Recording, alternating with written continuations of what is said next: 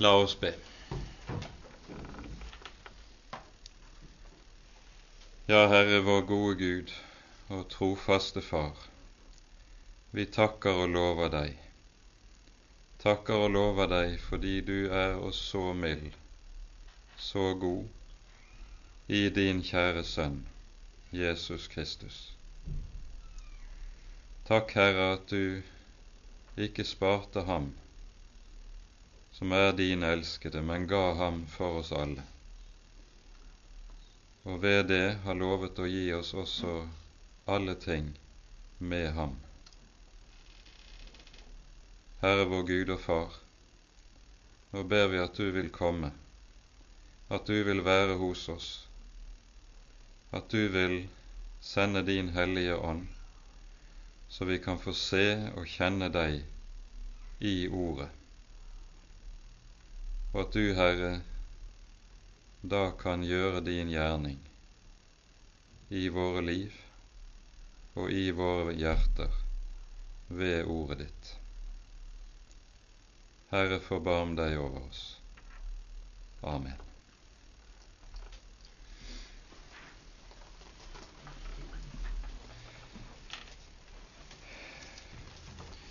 Vi skal da altså gi oss i kast med det tredje kapittelet, og vi leser da de ti første versene i sammenheng. Det er slett ikke sikkert at vi vil klare å komme igjennom alle disse ti versene, men eh, for sammenhengen sin del så gjør vi det.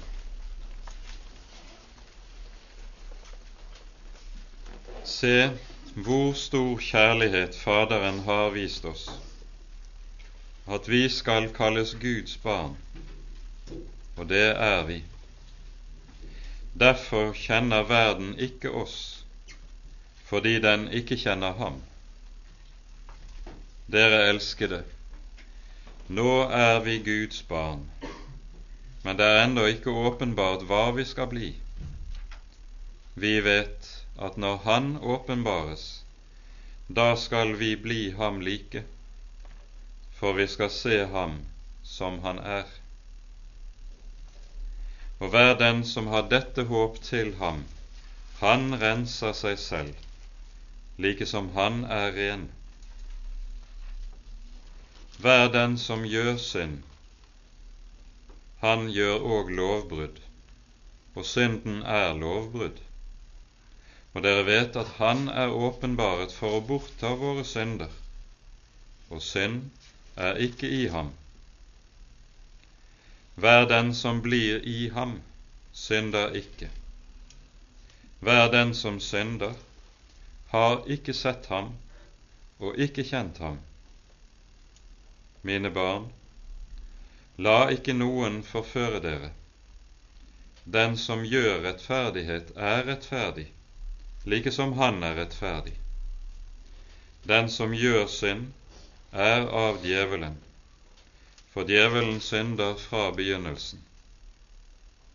Dertil er Guds sønn åpenbaret at han skal gjøre ende på djevelens gjerninger.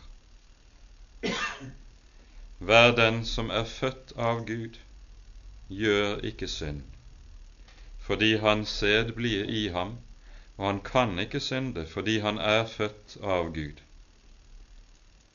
På dette kan Guds barn og djevelens barn kjennes. Hver den som ikke gjør rettferdighet, er ikke av Gud, heller ikke den som ikke elsker sin bror. Amen.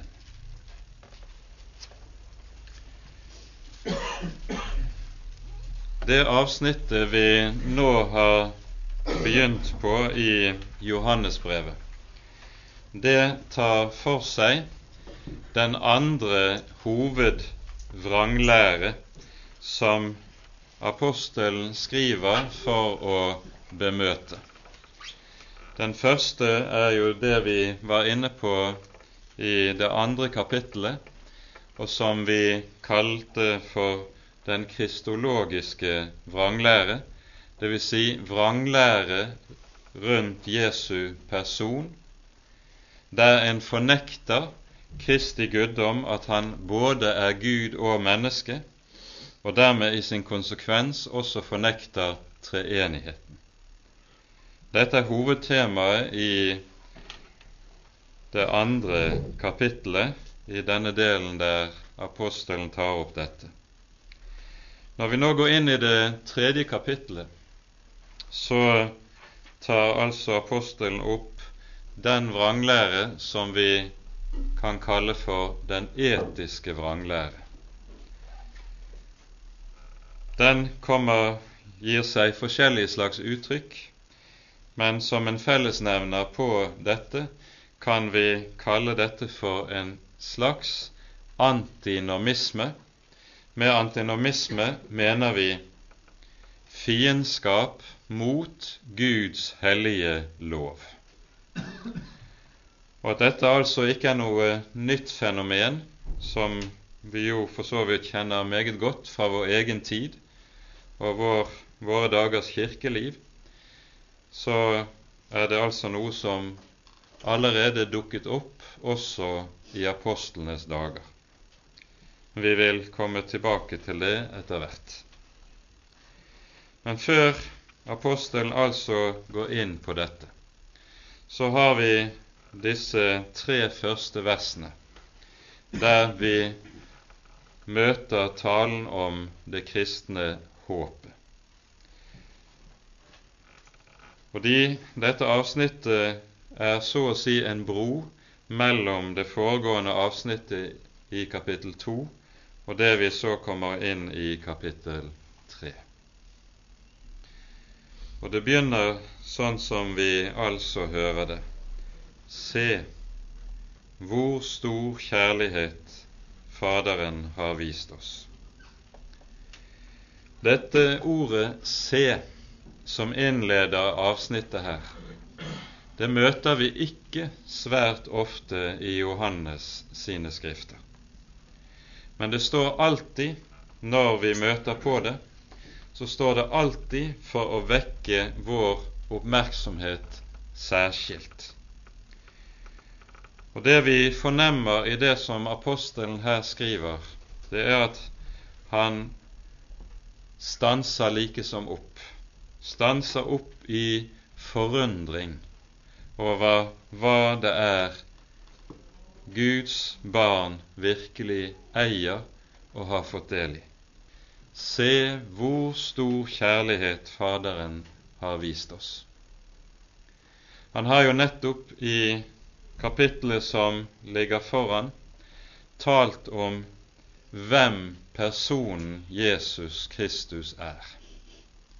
Han er jo den ene person i Gud som har kommet, som er blitt menneske, og som har gitt seg selv for vår skyld.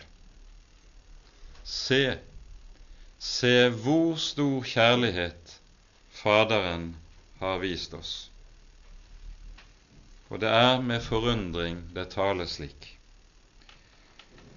Og her skal vi være klar over, tror jeg, at dette er noe som et kristent menneske aldri skal bli ferdig med å undre seg over. Den dagen det skulle skje at denne sannhet, hva vi eier i Jesu person, sannheten om hva det er Jesus har gitt og ofret for vår skyld, der det skulle skje at dette blir en selvfølge, som man likesom kan, som man behersker, og som man derfor ikke lenger verken vil eller trenger å høre mer om. Der har døden sneket seg inn i det kristne liv og i et kristent menneskes hjerte. For det er dette som er selve det store under i troen. Det er ikke under sammenligningsvis når Jesus helbreder syke, når han går på vannet eller gjør vann til vin. Den slags undergjerninger, det koster Jesus svært lite å gjøre. Han kan bare tale et ord, og så skjer det. For dette er under som han gjør i sin store allmakt, og som altså ikke volder han den aller ringeste møye. Men det å bringe oss frelsen, det å gjøre oss til Guds barn, det har kostet ham usigelig stor møye. Det har kostet ham usigelig meget. Det store under er nettopp dette at Gud kommer i egen person og gir seg selv for oss, gir seg selv i vårt sted. Og han gir seg selv ikke for gode og for snille og for fromme mennesker, men for ugudelige, for onde, for fiender. Det er slike han gir seg selv for. Det er underet i frelsen. Se hvor stor kjærlighet Faderen har vist oss, sies det. Og her er det altså også slik, og det tror jeg vi skal merke oss når vi leser Bibelen, at når Skriften bruker ordet 'stor', som den her gjør, så menes det virkelig stor. Vi har det jo med i vår språkbruk ofte med å bruke kraftige ord og uttrykk bare for å krydre språket, og vi overdriver ofte i vår måte å tale på, på en sånn måte at selv små bagateller kan benevnes med de kraftigste ord og uttrykk. Unge de kan tale om hvor sinnssykt moro et eller annet er, og så er det bare en bitte liten fillevits. Man bruker voldsomt sterke ord og uttrykk på noe som bare er filleting. Det gjør aldri Bibelen. Når Bibelen bruker sterke ord, så er det fordi det da er tale om det som virkelig er stort og virkelig er sterkt. Men fordi vi på en måte har fått en sånn språkvane at vi bruker store og sterke ord selv om små ting, så fører det ofte til at vi da ikke legger merke til når Bibelen virkelig bruker sterke ord. Da overser vi det, for vi er vant til at når det brukes sterke ord, så betyr det allikevel ikke noe som helst. Her skal vi være klar over at Bibelen altså tenker helt annerledes. Og Her skal vi også når det gjelder det kristne språk, og ikke minst de som eventuelt også skal tale og forkynne Guds ord, de skal være seg bevisst og ha en tukt i språket som gjør at man ikke bruker store eller sterke ord om ting som bare er små ting. For øvrig er dette en god regel når det gjelder språk eh, allment, at man skal være varsom når det gjelder adjektivbruk. Det fortelles om en ung forfatter som kom til Arnulf Øverland og ville at Øverland gjerne skulle se på noe av det han hadde skrevet, og få hjelp til å eventuelt å utvikle seg videre når det gjaldt skrivekunst. Øverland leser igjennom det han har skrevet, og kommenterer ganske tørt slik Stryk adjektivene, så blir det sterkere. Det sier noe ganske viktig om språklig disiplin og tukt. Og nettopp slik er det med bibelspråket. Bibelspråket er under meget stor tukt og disiplin på en sånn måte at det som Bibelen sier, det sier den fordi det er dekning for å si det. Og så står det altså som vi hører det Se hvor stor kjærlighet Faderen har vist oss. Det er virkelig tale om noe som er en stor kjærlighet. For det ligger et stort offer i den kjærlighet som Faderen her har gitt oss. På lignende vis kan det lyde i Jeremia-boken når Herren taler til sitt folk, at han sier med en evig kjærlighet har jeg elsket deg. Ja, det er det som er Guds kjærlighet som det taler om her. Og når Skriften på denne måten taler om kjærlighet, så skal vi være oppmerksom på at det bibelske uttrykket, begrepet for kjærlighet, det er et ord som betegner det at en gir seg selv for en annen. Det er det kjærlighet nemlig er. Kjærlighet er ikke sentimentale følelser. Men kjærlighet i ordets bibelske forstand handler om dette som har med offeret å gjøre. Både at jeg skal være villig til å ofre meg selv for min neste. Og når det taler om at Gud elsker oss, at Jesus elsker oss, så er det nettopp tale om en som gir seg selv for vår skyld. Dette er det Bibelen kaller stort, for det er i sannhet stort at Gud virkelig gjør noe sånt. Når vi ser oss selv, hvem vi selv er, og ikke minst vår veldige utakknemlighet i møte med en sånn kjærlighet. For hvor lite verdsetter vi hva det er Han har gitt. Dog, det står som det står. Se, se hvor stor kjærlighet Faderen har vist oss, at vi skal kalles Guds barn. Det fortelles fra misjonen i Stillehavet, en av pionermisjonærene i misjonen i Stillehavsøyene var en engelskmann ved navn John Nott. Han skriver at han ved en anledning satt og leste Johannesevangeliet høyt for en gruppe av polynesere, slike som aldri før hadde hørt Guds ord.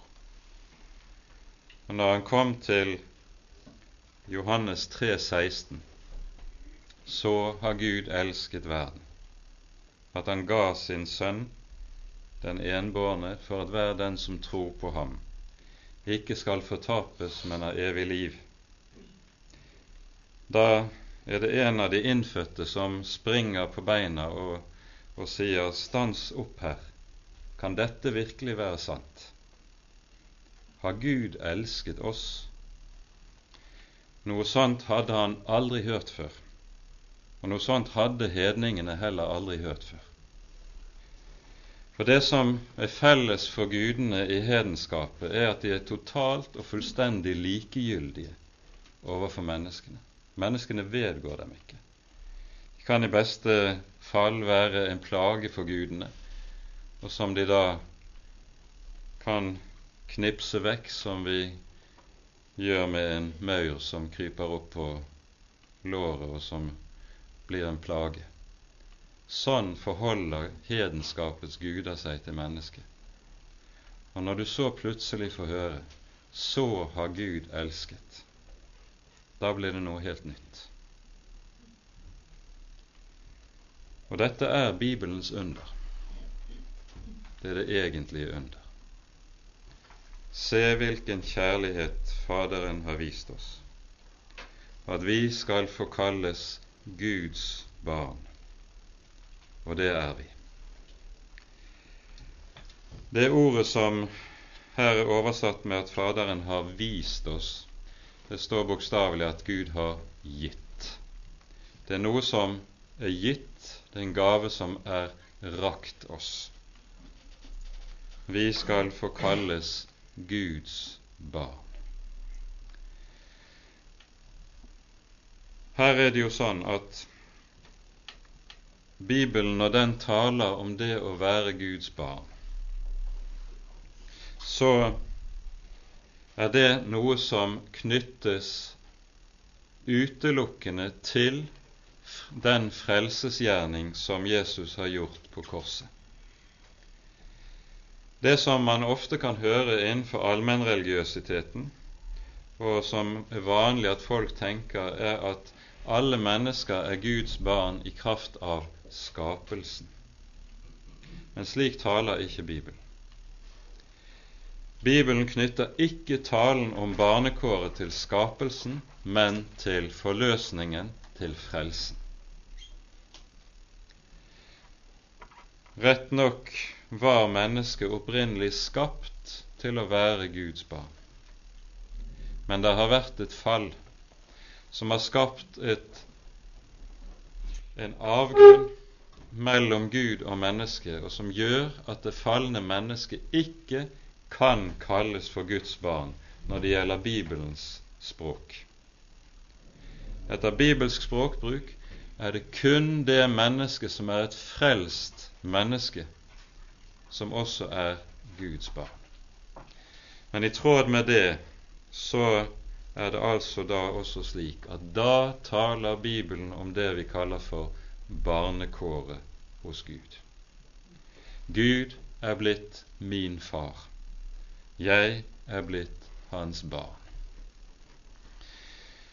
Hos Paulus er det slik at han gjerne bruker en betegnelse som, når vi oversetter det, er Guds sønner.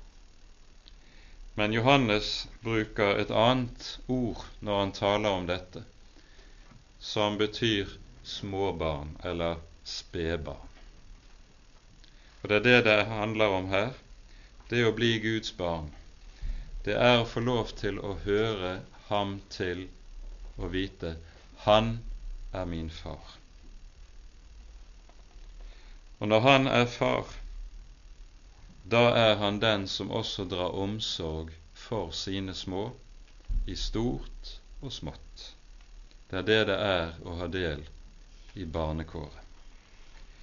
Dette er altså noe som gis oss i kraft av forløsningen. Alle dem som tok imot ham, de ga han rett til å bli Guds barn, står det i Johannes 1,12. Og de er født ikke av kjøds vilje, ikke av manns vilje, ikke av blod, men av Gud, følger det så etter i vers 13. For Guds barn blir en kun på en bestemt måte, nemlig gjennom å bli født til det. Å kalles Guds barn, det kan man kun når man er født til det. Her taler Jesus og, og Det nye testamentet klart og tydelig om den nye fødsel, som et menneske får del i ved troen på Jesus. Og det å være født på ny, det er å være født av Faderen. Det er å være født ovenfra av Gud selv. Jesus sier i Johannesevangeliets åttende kapittel vers 23 som følger Jeg er ovenfra, dere er nedenfra. Jeg er ikke av denne verden, dere er av denne verden. Han taler i denne sammenheng med motstandere, fariseerne. Senere taler han om disiplene og sier om dem De er ikke av verden, like som jeg ikke er av verden. De er nemlig født av Gud. Det er blitt skapt noe nytt. De er født ovenfra av Faderen selv. Den nye fødsel det er noe som et menneske får del i ved troen på Jesus gjennom dåpen. Jesus sier uttrykkelig 'den som tror og er døpt, skal bli frelst'. Den som ikke tror, blir fordømt. Markus 16, 16. ved troen og dåpen fødes vi på ny. Og det troen klynger seg til, det troen holder seg til, det er ordet om Jesus. Og det i og ved og gjennom dette ord skaperkraften ligger som virker og frembringer det nye livet. Å kalles Guds barn, det er å være født av Gud ved troen og dåpen. Når Johannes i denne sammenheng føyer til og sier vi skal kalles Guds barn, og det er vi, da er det fordi vranglærerne i motsetning til dette nok kan hevde og si at de er Guds barn, men de er det altså ikke. Det er den store forskjellen. Og så føyer apostelen så til Derfor kjenner verden ikke oss, fordi den ikke kjenner Ham.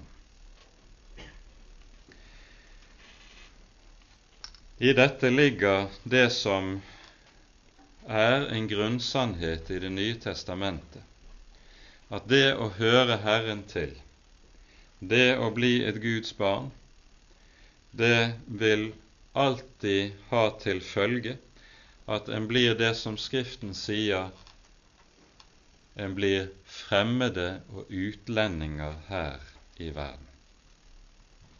Dette er uttrykk som Skriften gjentar ganske ofte.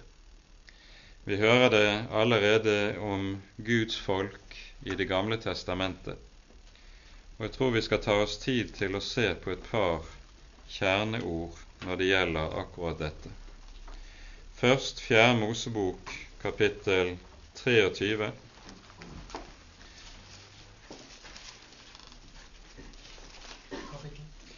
Fjerde Mosebok 23.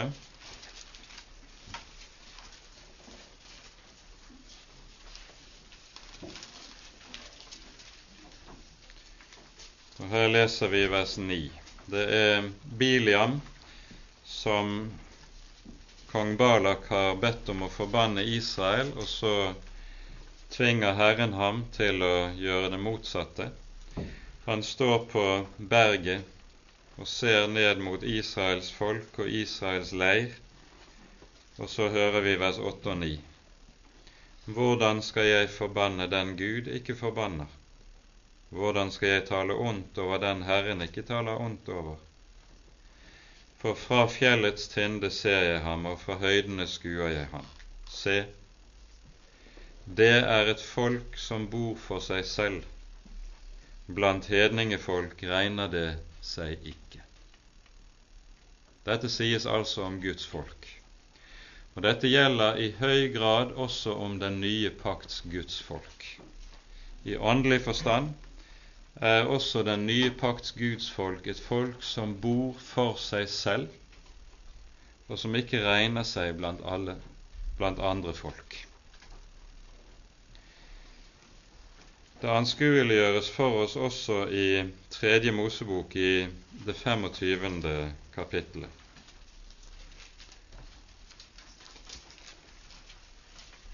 Her hører vi om hvordan Gud gir lover som handler om fordelingen av landet og om sabbatsår om frigivelse. Og så sies det i vers 23 slik Det er Herren som taler og sier jorden eller landet må ikke selges for alle tider. For meg, altså Herren, hører landet til. Dere er fremmede og gjester hos meg. Det er det folket er. Og så er Guds folk som fremmede og utlendinger her i verden. Dette medfører uvegerlig at Guds folk stadig vil oppleve ulike former for fiendskap fra denne verdens mennesker. Du kan godt tale om denne verdens fremmedhat overfor Guds folk. Jesus taler meget om det. Vi tar oss tid og ser i Johannesevangeliet i det 15. og 16. kapittelet.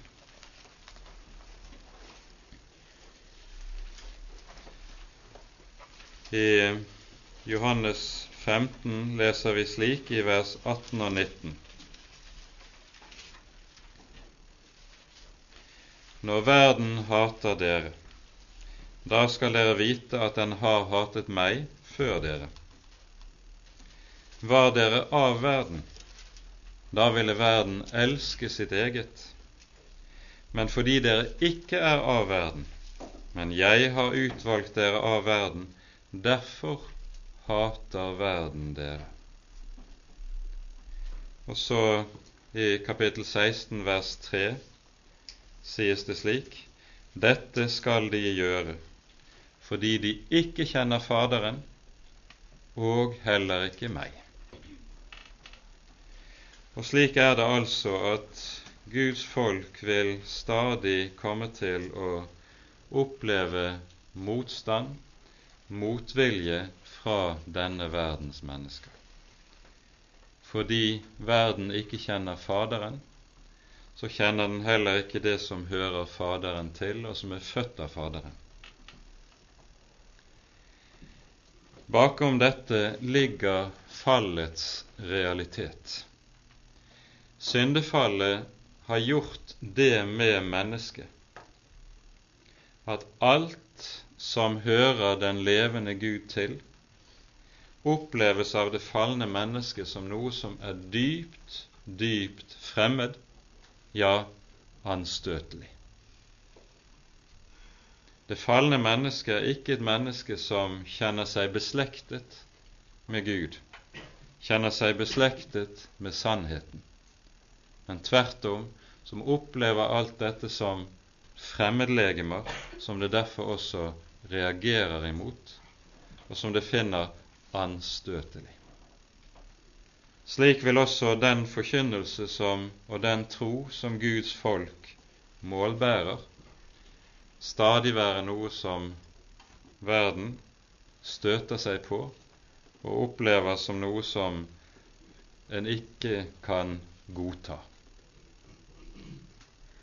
Og så sier altså Johannes, som vi her hører, derfor kjenner verden ikke oss, fordi den ikke kjenner Faderen. Han, vi er født av ham, vi er født med hans natur. Han har lagt sitt eget ned i sine barn. Og Så kan Jesus også si om sine de er ikke av verden, like som jeg ikke er av verden. Johannes 17, 14.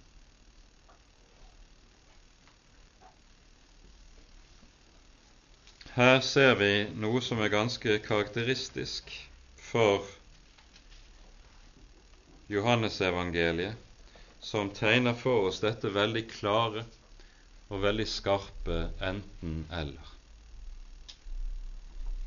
Ofte kan dette enten-eller ikke fortone seg like skarpt for oss.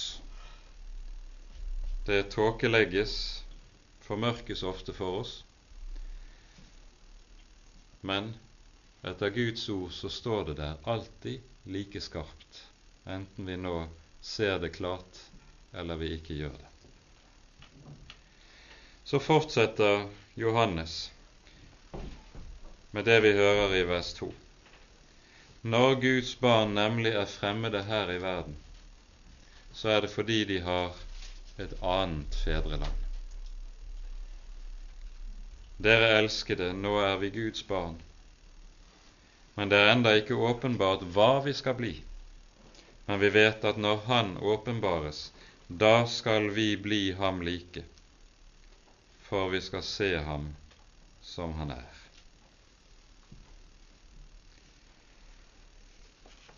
Når det sies det er enda ikke åpenbart hva vi skal bli, så ligger det i dette at Skriften jo taler mye om det som ligger foran.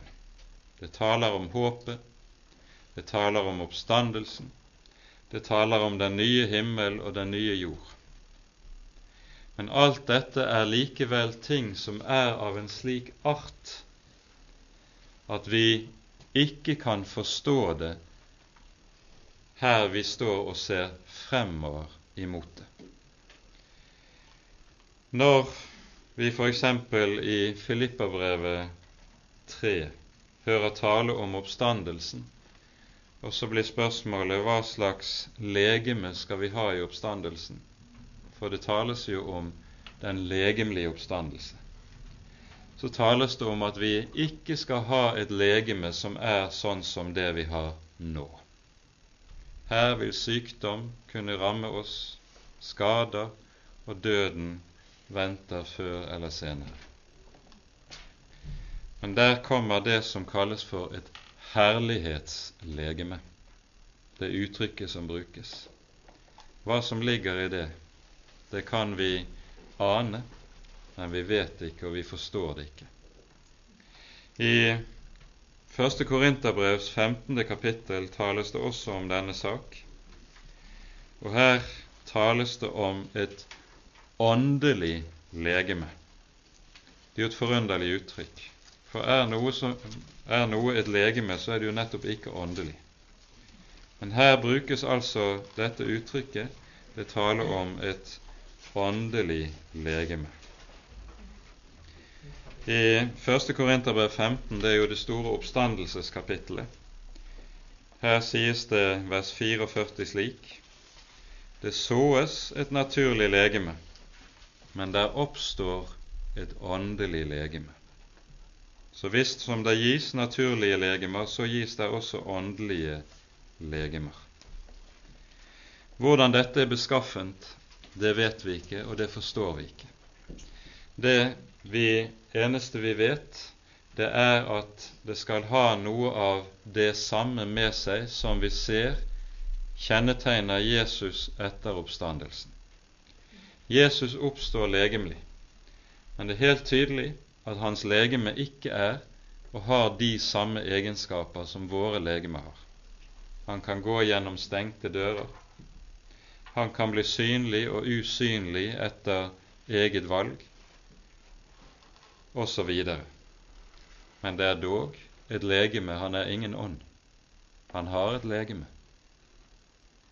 Og så kan altså Skriften si, som vi her hører, det er enda ikke åpenbart hva vi skal bli.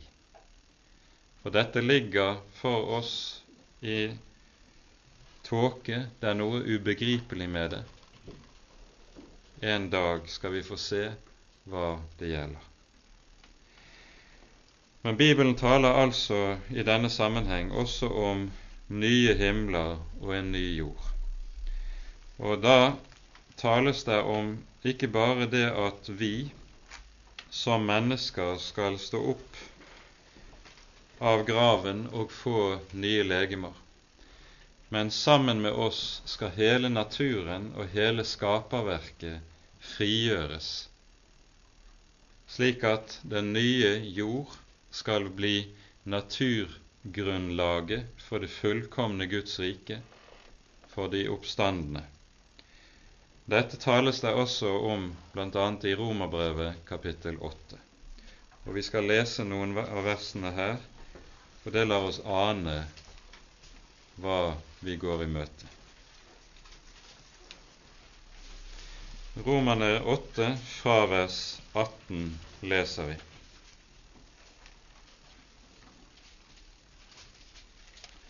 Jeg holder for at den nærværende tids lidelse ikke er å akte mot den herlighet som skal åpenbares på oss. For skapningen lenges og stunder etter Guds barns åpenbarelse. Skapningen ble jo lagt under forgjengelighet, ikke godvillig, men etter Hans vilje som la den derunder i håp om at også skapningen skal bli frigjort fra forgjengelighetens trelldom til Guds barns herlighetsfrihet. For vi vet at hele skapningen til sammen sukker og til sammen er i smerte inntil nå. Den jord som en gang ble lagt under forbannelse for menneskets skyld, den skal fornyes, den skal forløses, den skal få del i Guds barns herlighetsfrihet når synden endelig er overvunnet, og der kommer nye himler og en ny jord. Hva det innebærer, kan vi knapt ane. Vi hører om det i Salmenes bok, der det taler om hvordan havet skal juble, trærne i skogen skal klappe i hendene, osv. Det er liksom hele skaperverket til sammen jubler i det som her skjer. Det er enda ikke åpenbart hva vi skal bli, men vi vet. Vi vet. Og så hører vi hva som er den kristne visshet, den kristne kunnskapen. For han har sagt i sitt ord hva det er som venter oss. Vi vet, vi håper, selv om vi ikke forstår. Vi vet at når Han åpenbares, skal vi bli ham like, for vi skal se ham som han er. Det som ligger i dette, er at her fornyes vi til hans bilde. Når mennesket ble skapt i begynnelsen, så var jo hele Guds skapertanke gjemt i og konsentrert i det som sies i Første Mosebok 1, når Faderen sier La oss skape mennesker i vårt bilde og etter vår lignelse.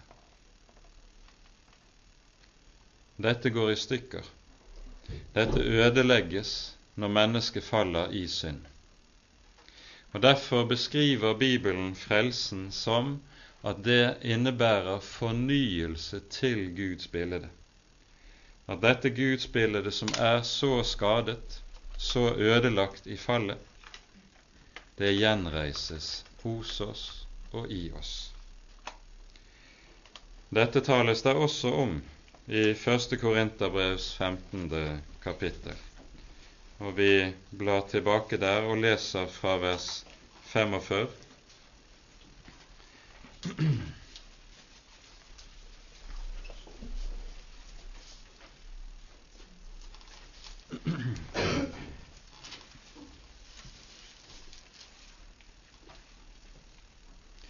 Således er det òg skrevet:" Det første mennesket, Adam, ble til en levende sjel.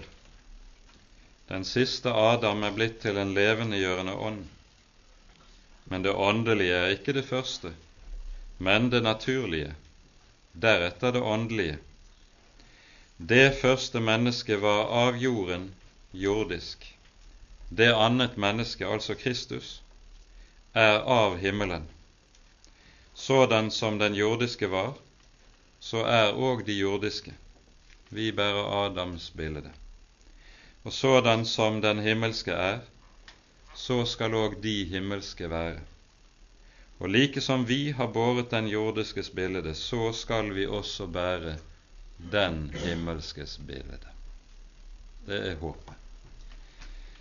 Fornyelse til Kristi bilde og i Kristi lignelse.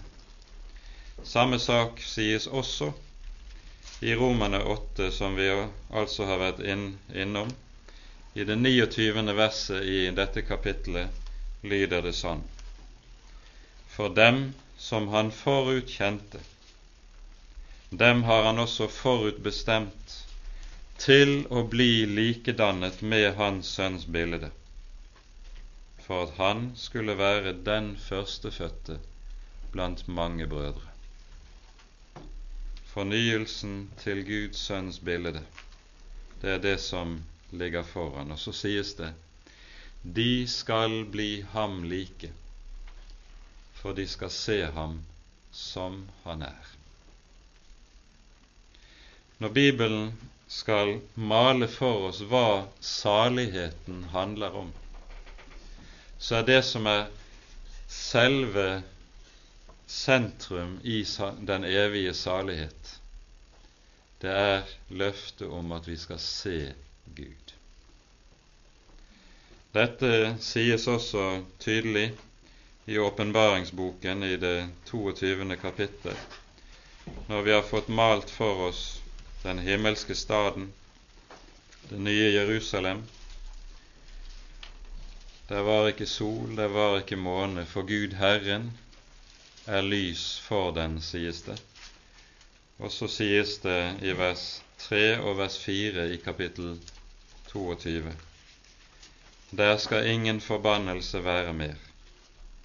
Guds og lammets trone skal være i den, og hans tjenere skal tjene ham. Og de skal se hans åsyn. Hans navn skal være på deres panner. Dette er det som er umulig så lenge vi er her i tiden. På grunn av synden i våre liv så kan vi ikke se Gud. Derfor sies det i 1. Timotius brev 6. kapittel slik Gud bor i et lys dit intet menneske kan komme eller nå. Og dette lys er så veldig i sin herlighet at Moses får høre når han ber Herren, når han står på berget, som vi hører om det i 2. Mosebok 33, la meg da få se din herlighet, ber Moses.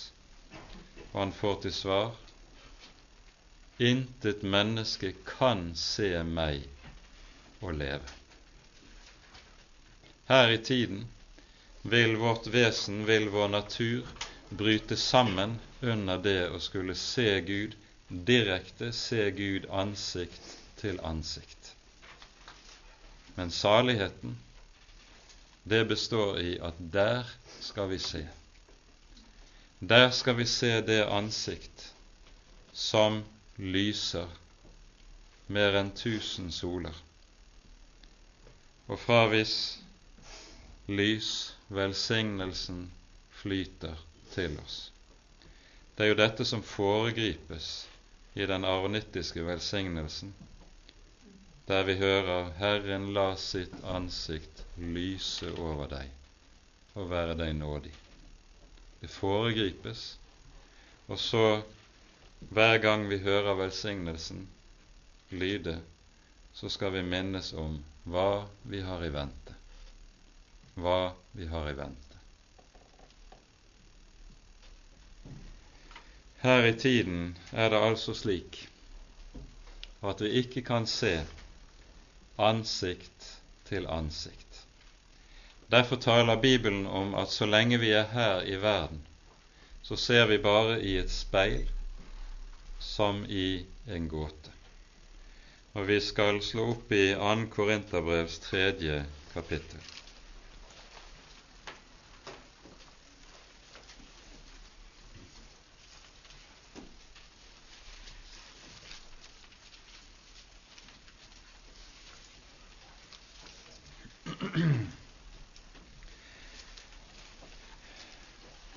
Her tales det nemlig om at vi som Guds barn dog ser noe her i tiden. Det sies slik i det siste verset her i kapittel 3. Men vi, som med utildekket åsyn skuer Herrens herlighet som i et speil, vi blir alle forvandlet til det samme bildet fra herlighet til herlighet som av Herrens ånd. Med utildekket åsyn ser alle som hører Jesus til. De som ikke hører Jesus til, de har et dekke for sine øyne, så de kan ikke se. Det hører vi tidligere i kapitlet. Men det sies altså vi ser som i et speil. Hvor er dette speil der vi ser Herren, der vi ser Hans herlighet? Jo, det er i Herrens eget ord. Der er det Han gir seg selv til oss. Der er det Han åpenbarer seg for oss. Det er i Ordet. Og Derfor hører vi det sies allerede til Israels folk etter at Herren, de har møtt Herren ved Sinai, og Herren åpenbarer de ti bud. Så leser vi 5. Moseboks fjerde kapittel. Vokt dere for å gjøre dere noe bilde, verken av det i himmelen eller på jorden eller det som er under jorden. For dere så ingen skikkelse. Dere hørte bare ordene. Guds folk har nemlig ikke hellige bilder, de har hellige ord. For Herren åpenbarer seg ikke for oss gjennom våre øyne, men gjennom vår hørsel.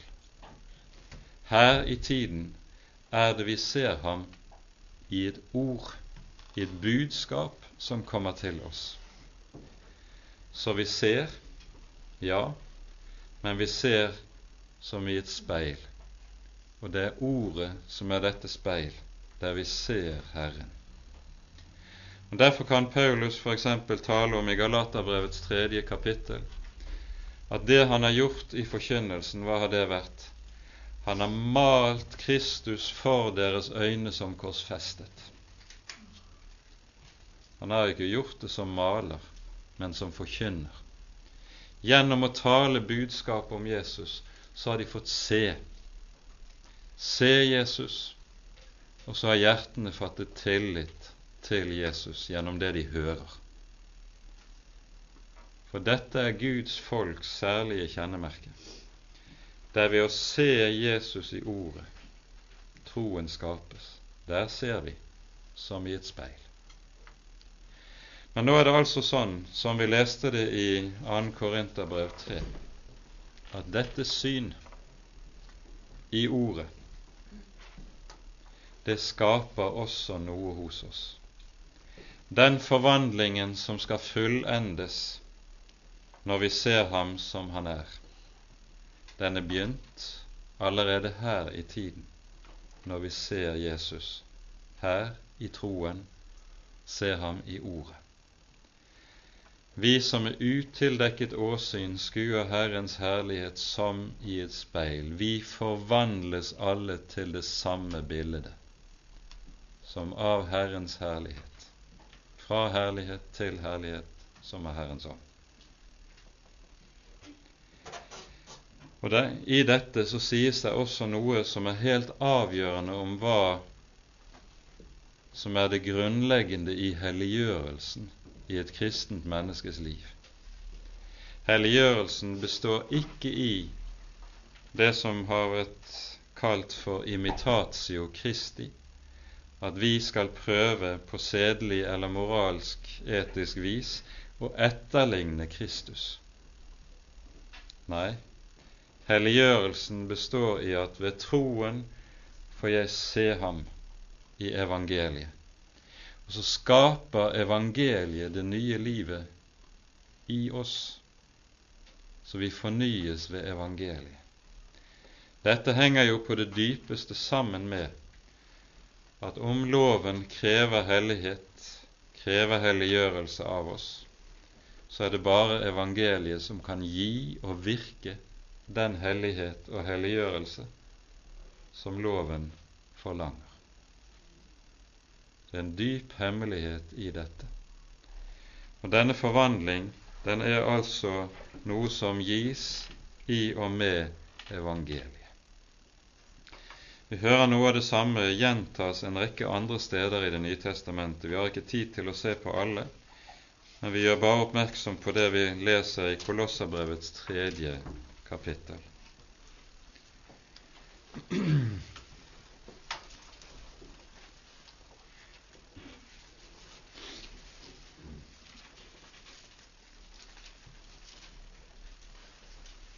Her leser vi sånn i vers 9 og vers 10.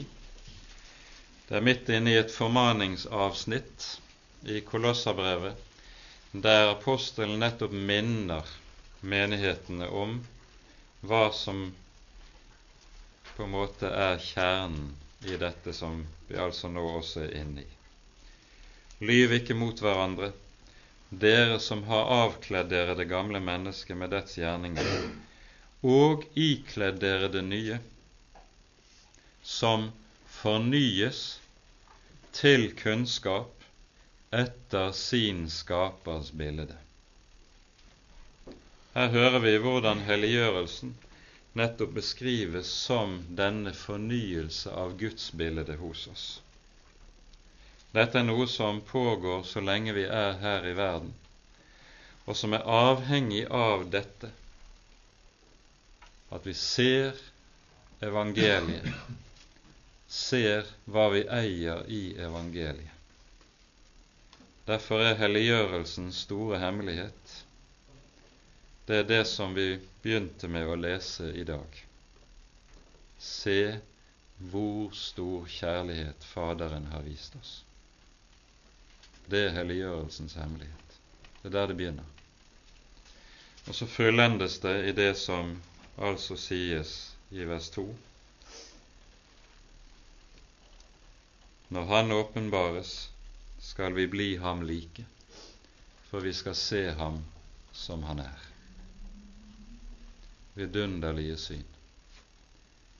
Her er det syn som forvandler alt Skriften taler mye om dette, ikke minst også når det gjelder løftene i Det gamle testamentet.